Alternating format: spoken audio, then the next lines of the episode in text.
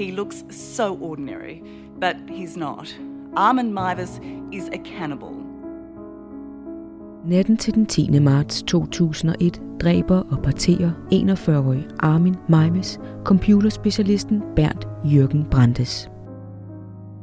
Godt 30 kilo menneskekød kommes herfra i plastikposer og videre over i kummefryseren. I månederne, der kommer, bliver Bernd sirligt tilberedt med hvidløg og muskat og serveret på Armins tallerken lige ved siden af kål og kartofler. Tastes like pork, a bit more harsh. Armin Meiwes fra Rotenburg i det nordlige Tyskland har i overvis haft lyst til at spise et menneske. I killed a man, slaughtered him and ate him. Since then, he is always with me. Og endelig nu møder han en, der gerne vil spises. Ja, du hørte rigtigt. Bernd Jørgen Brandes ønsker at dø, men ikke på hvilken som helst måde. Han vil spises, og han vil slagtes. Planen er at omkomme i et smertehav. Først skærer Armin Bernds penis af. Meningen er, at de skal spise den sammen.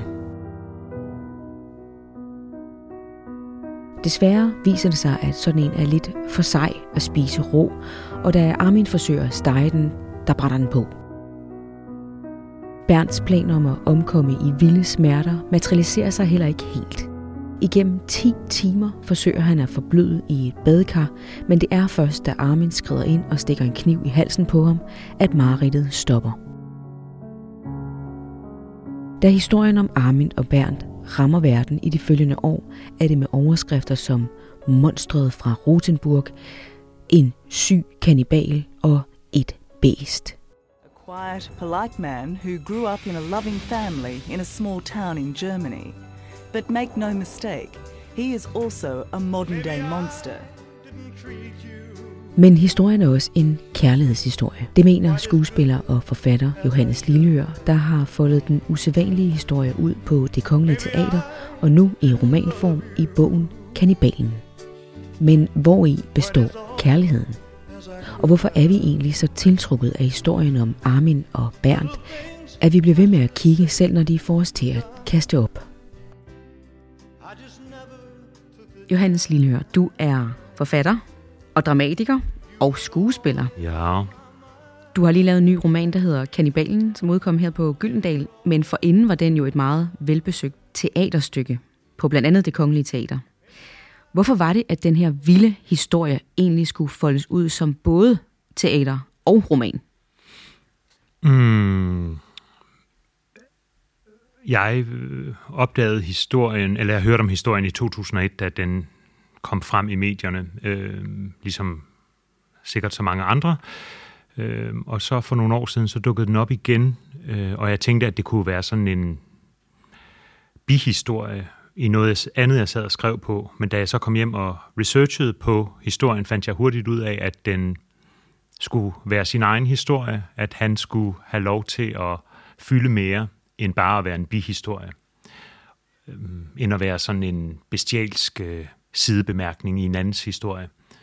For mig var det vigtigt, at han fik sin egen historie foldet ud, fordi der under det der sådan tabloide, bestialske, den overflade, der lå der en ret vedkommende historie om ensomhed og kærlighed og længsel, som ramte mig ret meget, og som for mig faktisk sådan blev den ultimative kærlighedshistorie.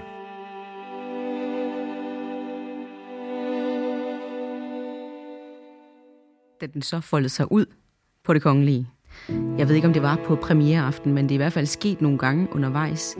Men der blev det i hvert fald råbt, stop forestillingen, nede fra publikum. Der er noget, der er helt galt. Lige pludselig var der nogen, der kastede op, og sågar fik et ildebefindende. Overraskede det dig, at folk egentlig reagerede så stærkt på den her historie, som du havde ja, genskabt? Ja, det overraskede mig hver gang det skete, og det skete jo faktisk allerede, da jeg sendte det ind til det kongelige.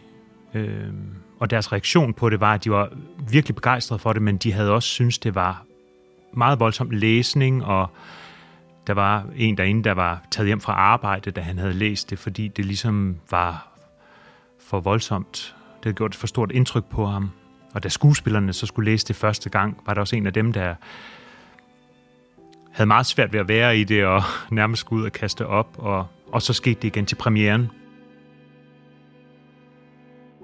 Det følte jeg overhovedet ikke. Jeg, følte, øh, jeg synes simpelthen, det er så smuk en historie, og jeg, hver gang jeg har set det, er jeg blevet dybt berørt af det.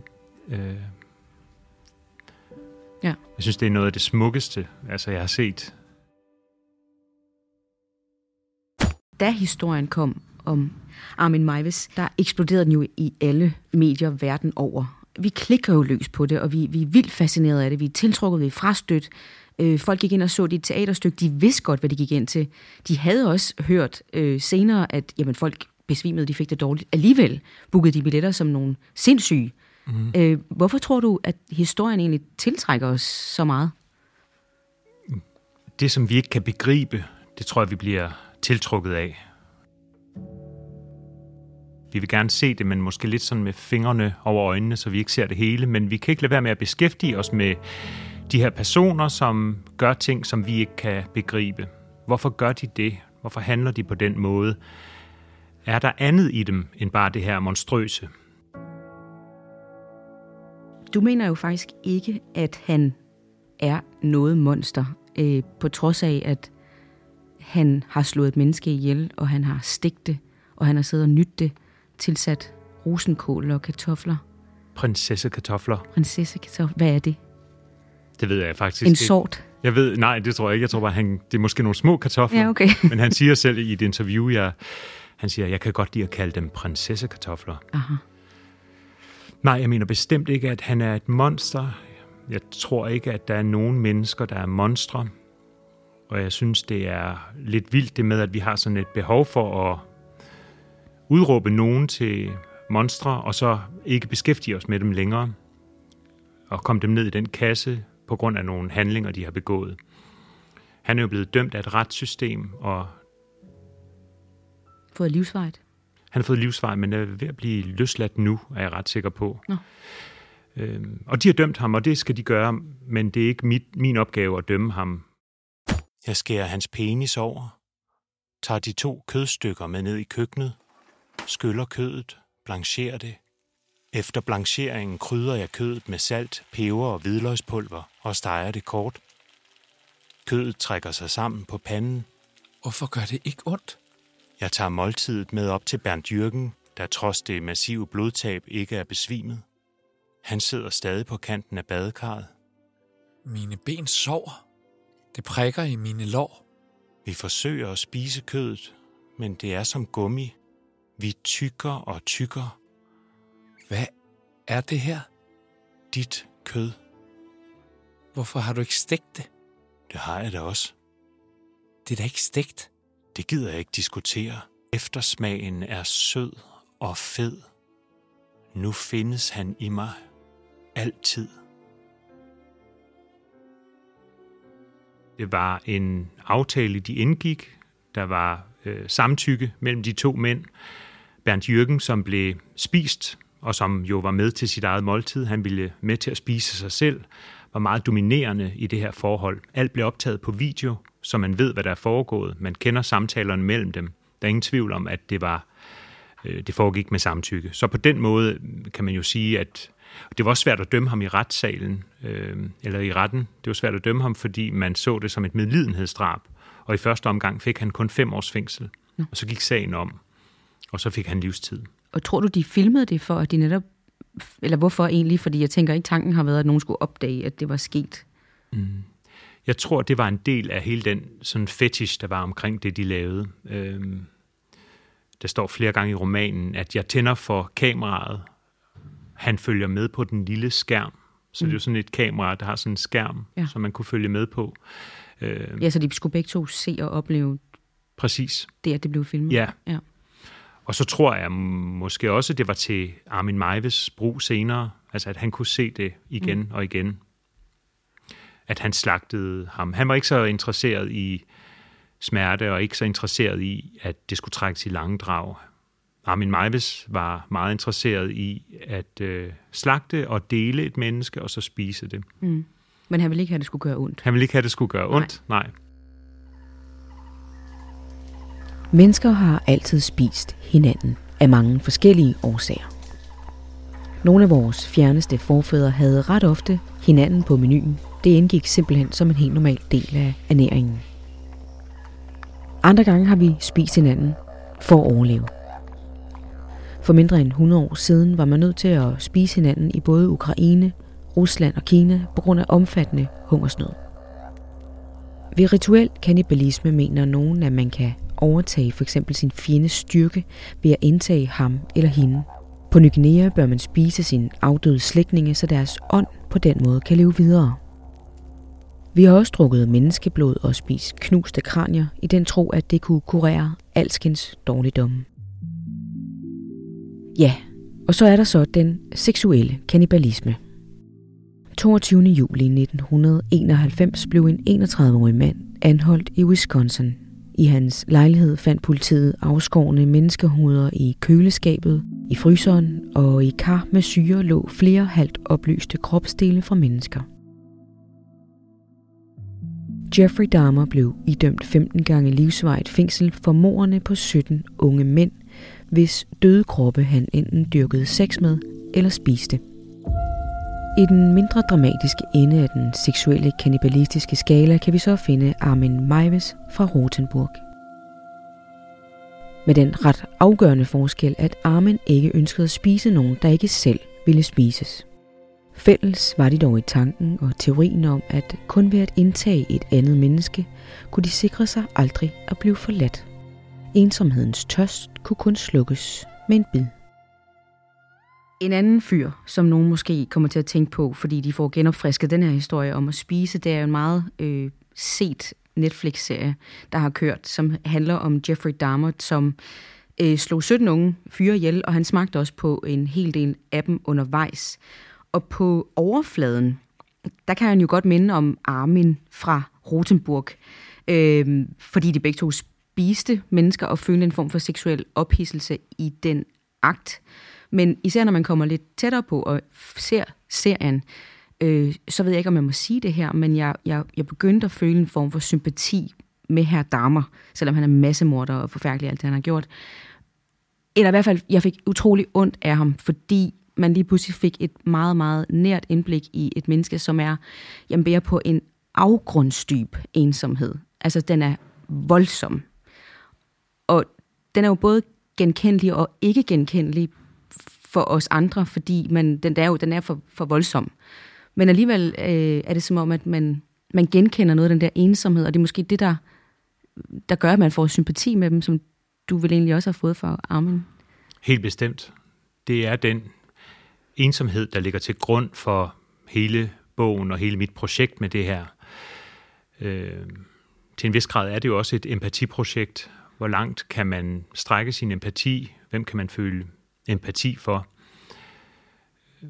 Jeg kunne forbinde mig meget med den der afgrundsdybe ensomhed, som Armin Meiwes beskriver, at han gennem hele sit liv har følt sig alene og har troet, at alle ville forlade ham, og at han har som barn begyndt han at fantasere om at spise sin ven Manfred, så han ikke ville forlade ham.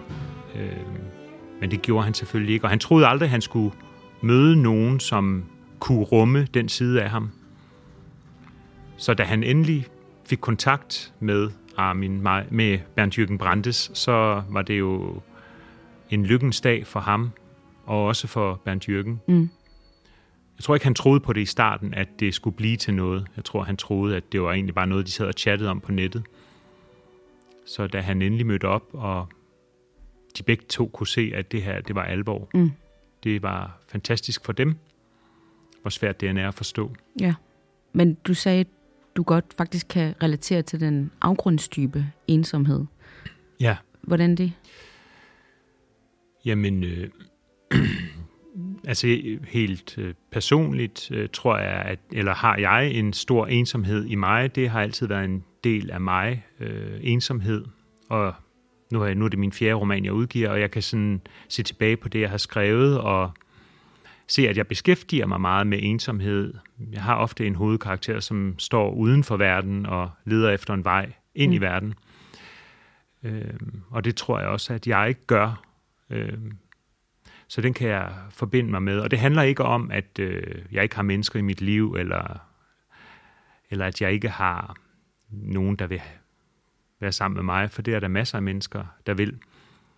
Men jeg har en ensomhed, som bare er en del af mig, og som jeg har fundet, fundet plads til, og som jeg ikke er bange for længere. Så, og det, det tror jeg, jeg tror også, det er derfor, folk kan forbinde sig med, med det, jeg har skrevet. Det er, fordi de kan mærke en, en ja, de kan forbinde sig med den ensomhed måske. Det tror jeg, man kan på det der eksistentielle plan. Ja. Fordi at jeg tænker, alle mennesker et eller andet sted er alene. Ja. Altså man er et ensomt væsen, sådan helt grundlæggende set, ikke? Ja. Øh, og jeg tror, det er derfor, man, øh, man, man føler empati med folk, fordi at man netop genkender den ikke? hos sig selv. Ja, det tror jeg bestemt også. Hvordan smager jeg? Som svinekød, men stærkere, selvom jeg ikke tror, andre mennesker ville kunne smage forskel. Du smager virkelig godt. Selvfølgelig var det en mærkelig følelse at spise dig. En følelse, der er svær at beskrive. Jeg havde længtes efter det i over 30 år, og nu kunne jeg endelig fylde mig med menneskekød. Oven i købet kød fra et godt menneske. Jeg oplevede en indre forbindelse til dig gennem disse måltider. Hvordan? På mange måder. For eksempel har jeg aldrig været god til engelsk, men efter jeg spiste dig, talte jeg det pludselig flydende. Hvad mener du? Du talte jo perfekt engelsk. Du overførte dine evner til mig gennem dit kød. Sig noget. Hvad? Sig et eller andet på engelsk. Maybe I didn't treat you quite as good as I should have. Maybe I didn't love you quite as often as I should have. Little things I could have said and done, I just never took the time. You were always on my mind. You were always on my mind. Slutter det så her? Det burde det. Det her med at indtage nogen, altså øh, Dahmer her, Jeffrey Dahmer, han har jo også på, i, på linje med øh, Armin der, en idé om, at hvis han spiser sin ofre, så bliver de hos ham. Altså, så er du i mig altid. Ja. Kan man på en måde også godt relatere til det? Ja, det kan man jo. Man kender jo godt det med at være forelsket og elske med nogen, som man har så meget lyst til, at man vil æde dem. Det siger man jo også ofte til hinanden. Jeg vil spise dig, jeg vil, Ja. du skal være inde i mig. Man trænger ind i hinanden, man bider hinanden, man har lyst til at sluge hinanden, sluger hinandens væsker, man er, bliver en del af hinanden. For de fleste mennesker stopper det bare ved huden. Den bryder man ikke. Men selve mekanismen i at have lyst til at æde hinanden, kender man jo virkelig godt.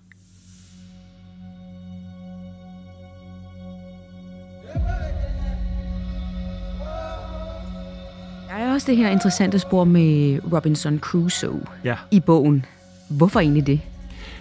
Det var jo meget heldigt, at det var Armin, eller er Armin Meiwes yndlingsroman I virkeligheden. i virkeligheden. Ja. Ja. Øh, Så den satte jeg mig jo til at læse, og det var bare, det var bare så tydeligt, at det var et øh, spor. Det skulle være et spor i bogen og i, i stykket, fordi den, den spejler det, de laver ret fint og ret nuanceret, fordi Robinson Crusoe føler en stor afsky for kannibaler, de kannibaler, han møder ude på øen, og hans ven Fredag har også kannibalistiske tendenser, og han, han vemmes over det og kaster op ved tanken om, at han har lyst til at spise nogle andre mennesker, så han, han afvender ham øh, fra det.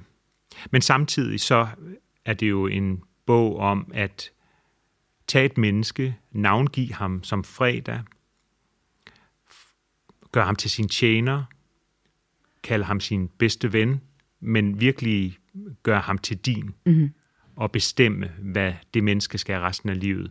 Da Robinson Crusoe forlader, forlader øen, tager han også fredag med sig, og han fortsætter med at være hans tjener. Det er vel også en form for at optage et andet menneske, mm. kan man sige. Ja, og øhm, altså nu er Armin Meiwes her jo faktisk øh, ikke syg. Han er egentlig sådan klinisk rask, som jeg forstår det. Han, han har jo selvfølgelig den her seksuelle lyst, som er en lille smule anderledes. Men han fejler ikke som sådan noget. Alligevel så øh, er det alligevel sådan lidt next level at sidde, sætte sig til at læse i en bog, mens en er ved at forbløde i et badekar ved siden af dig. Hvorfor tror du, han gør det midt i den akt? Fordi han ikke kunne være i det. Han var ikke interesseret i, at han var at han skulle lide. Han var ikke interesseret i at se ham forbløde. Han var ikke interesseret i, at det skulle tage lang tid. Øh, han kunne ikke være i det. Det var slet ikke hans projekt, at, øh, at han skulle leve så længe, som han gjorde, for han overlevede i ret mange timer. Ja, utrolig nok. Ja, utrolig nok. Ja. Faktisk ret svært at forstå. Ja. Øh, Men så ved man det. Det er ikke en måde at slå folk hurtigt ihjel på. Hvor sjovt. Der er jo tale om, som du har øh, forklaret her også, at øh, det er jo en gensidig aftale. Der er en, der skal spise, og en, der skal blive spist. Øh, men da Bernd jo ikke kan komme hinsides livet i den her eksplosion af smerte, der begynder han jo lidt at fortryde det her projekt. Altså han, han, han vil alligevel ikke dø. Han føler sig lige pludselig tom indeni. Og han dør jo tom indeni. Alligevel så, øh, så kalder du det her for en kærlighedshistorie. Hvor, hvor er det, kærligheden findes henne egentlig? Romeo og Julie var jo også en kærlighedshistorie, selvom de døde til sidst. Øh, det kan man jo godt det kan jo godt være en ulykkelig kærlighedshistorie, og det synes jeg virkelig, det her er. Jeg synes, det er så ulykkeligt, at det skulle ende på den måde. Øhm. Men det kunne jo ikke ende på en anden måde. Nej, altså nej, men de kunne jo have stoppet, før de mm. skar i hinanden og legede med tanken, kan man mm. sige. ikke? Jo. Men du har fuldstændig ret.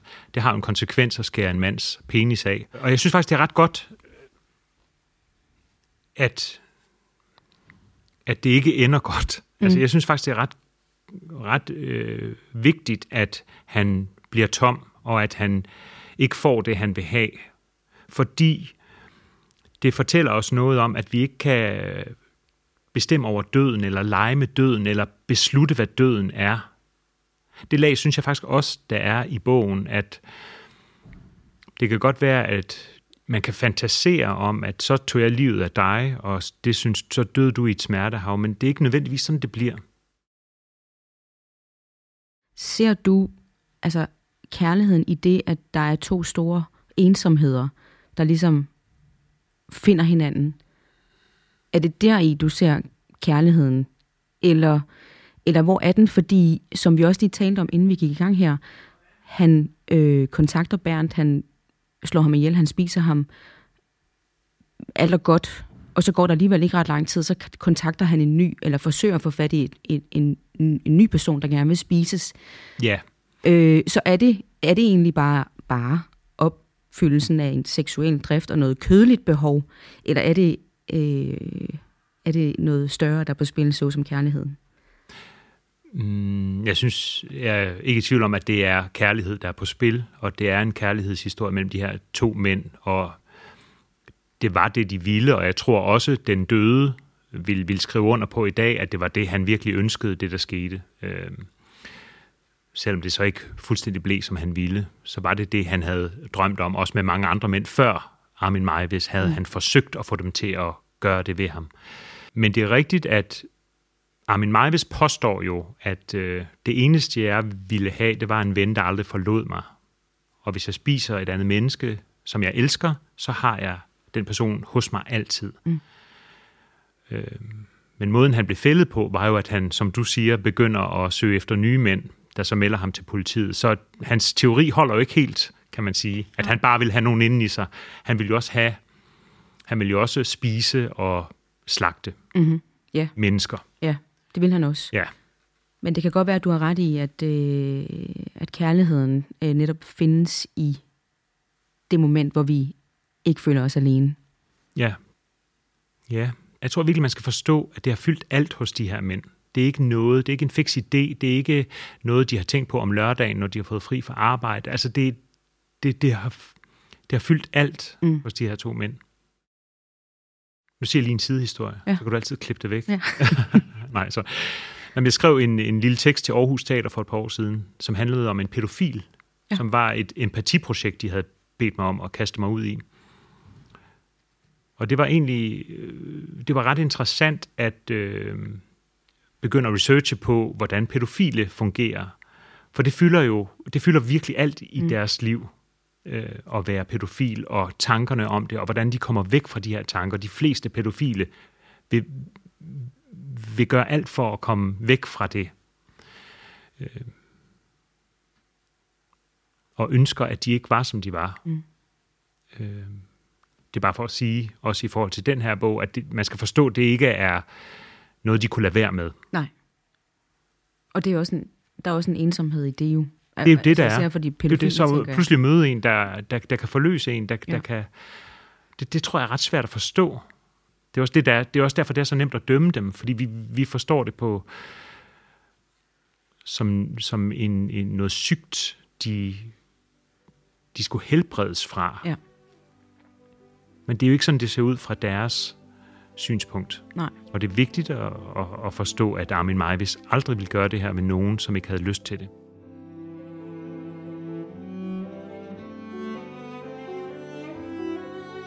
Hvad håber du allermest, at folk vil øh, tænke eller føle, når de har øh, læst din roman, din historie om Armin? Hvad er det egentlig, de skal efterlades med? Hvad, har, hvad, hvad er budskabet dybest set? Mm. Altså jeg håber, den sætter sig i kroppen på folk. Jeg kan godt lide, når litteratur sætter sig i min krop. At når jeg har læst en bog, at så kan jeg mærke den fysisk. Så håber jeg, at den måske skubber til nogle grænser i forhold til, øh, hvad man kan forstå, til hvad man troede, man kunne forstå, og hvad man kan forbinde sig med. Der var en anmeldelse, hvor der stod i overskriften Johannes Lilleørs øh, roman om kannibaler. Det var en virkelig fin anmeldelse, men det, det er jo faktisk ikke en historie om kannibaler. Det er en historie om en meget specifik sag, og om en mand, som var kannibal. Fordi jeg vil ikke sige, at jeg generelt ved noget som helst om kannibaler, eller kannibalisme for den sags skyld. Det er ikke det, der interesserer mig ved den. Men det er en del af historien, og det er, det er også derfor, det fylder så meget i historien, og den er ret detaljeret omkring det fysiske, fordi det var det, der var vigtigt for Armin Meiwes. Det var at skille hovedet fra kroppen, dele kroppen i to, tage indvolden ud, lægge dem i skåle, alt det der. Det er en del af hans lyst. Johannes Lilleør, tusind tak for at nuancere en ellers på papiret makaber historie. Tak fordi du vil snakke med mig. Du har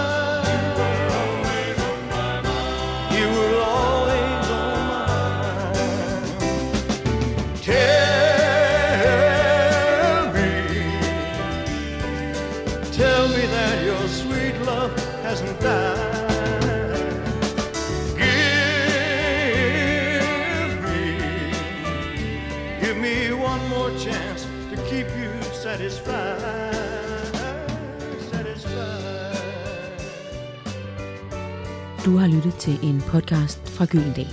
I dag har vi nogle klip fra 60 Minutes Australia og lydbogsversionen af Kannibalen.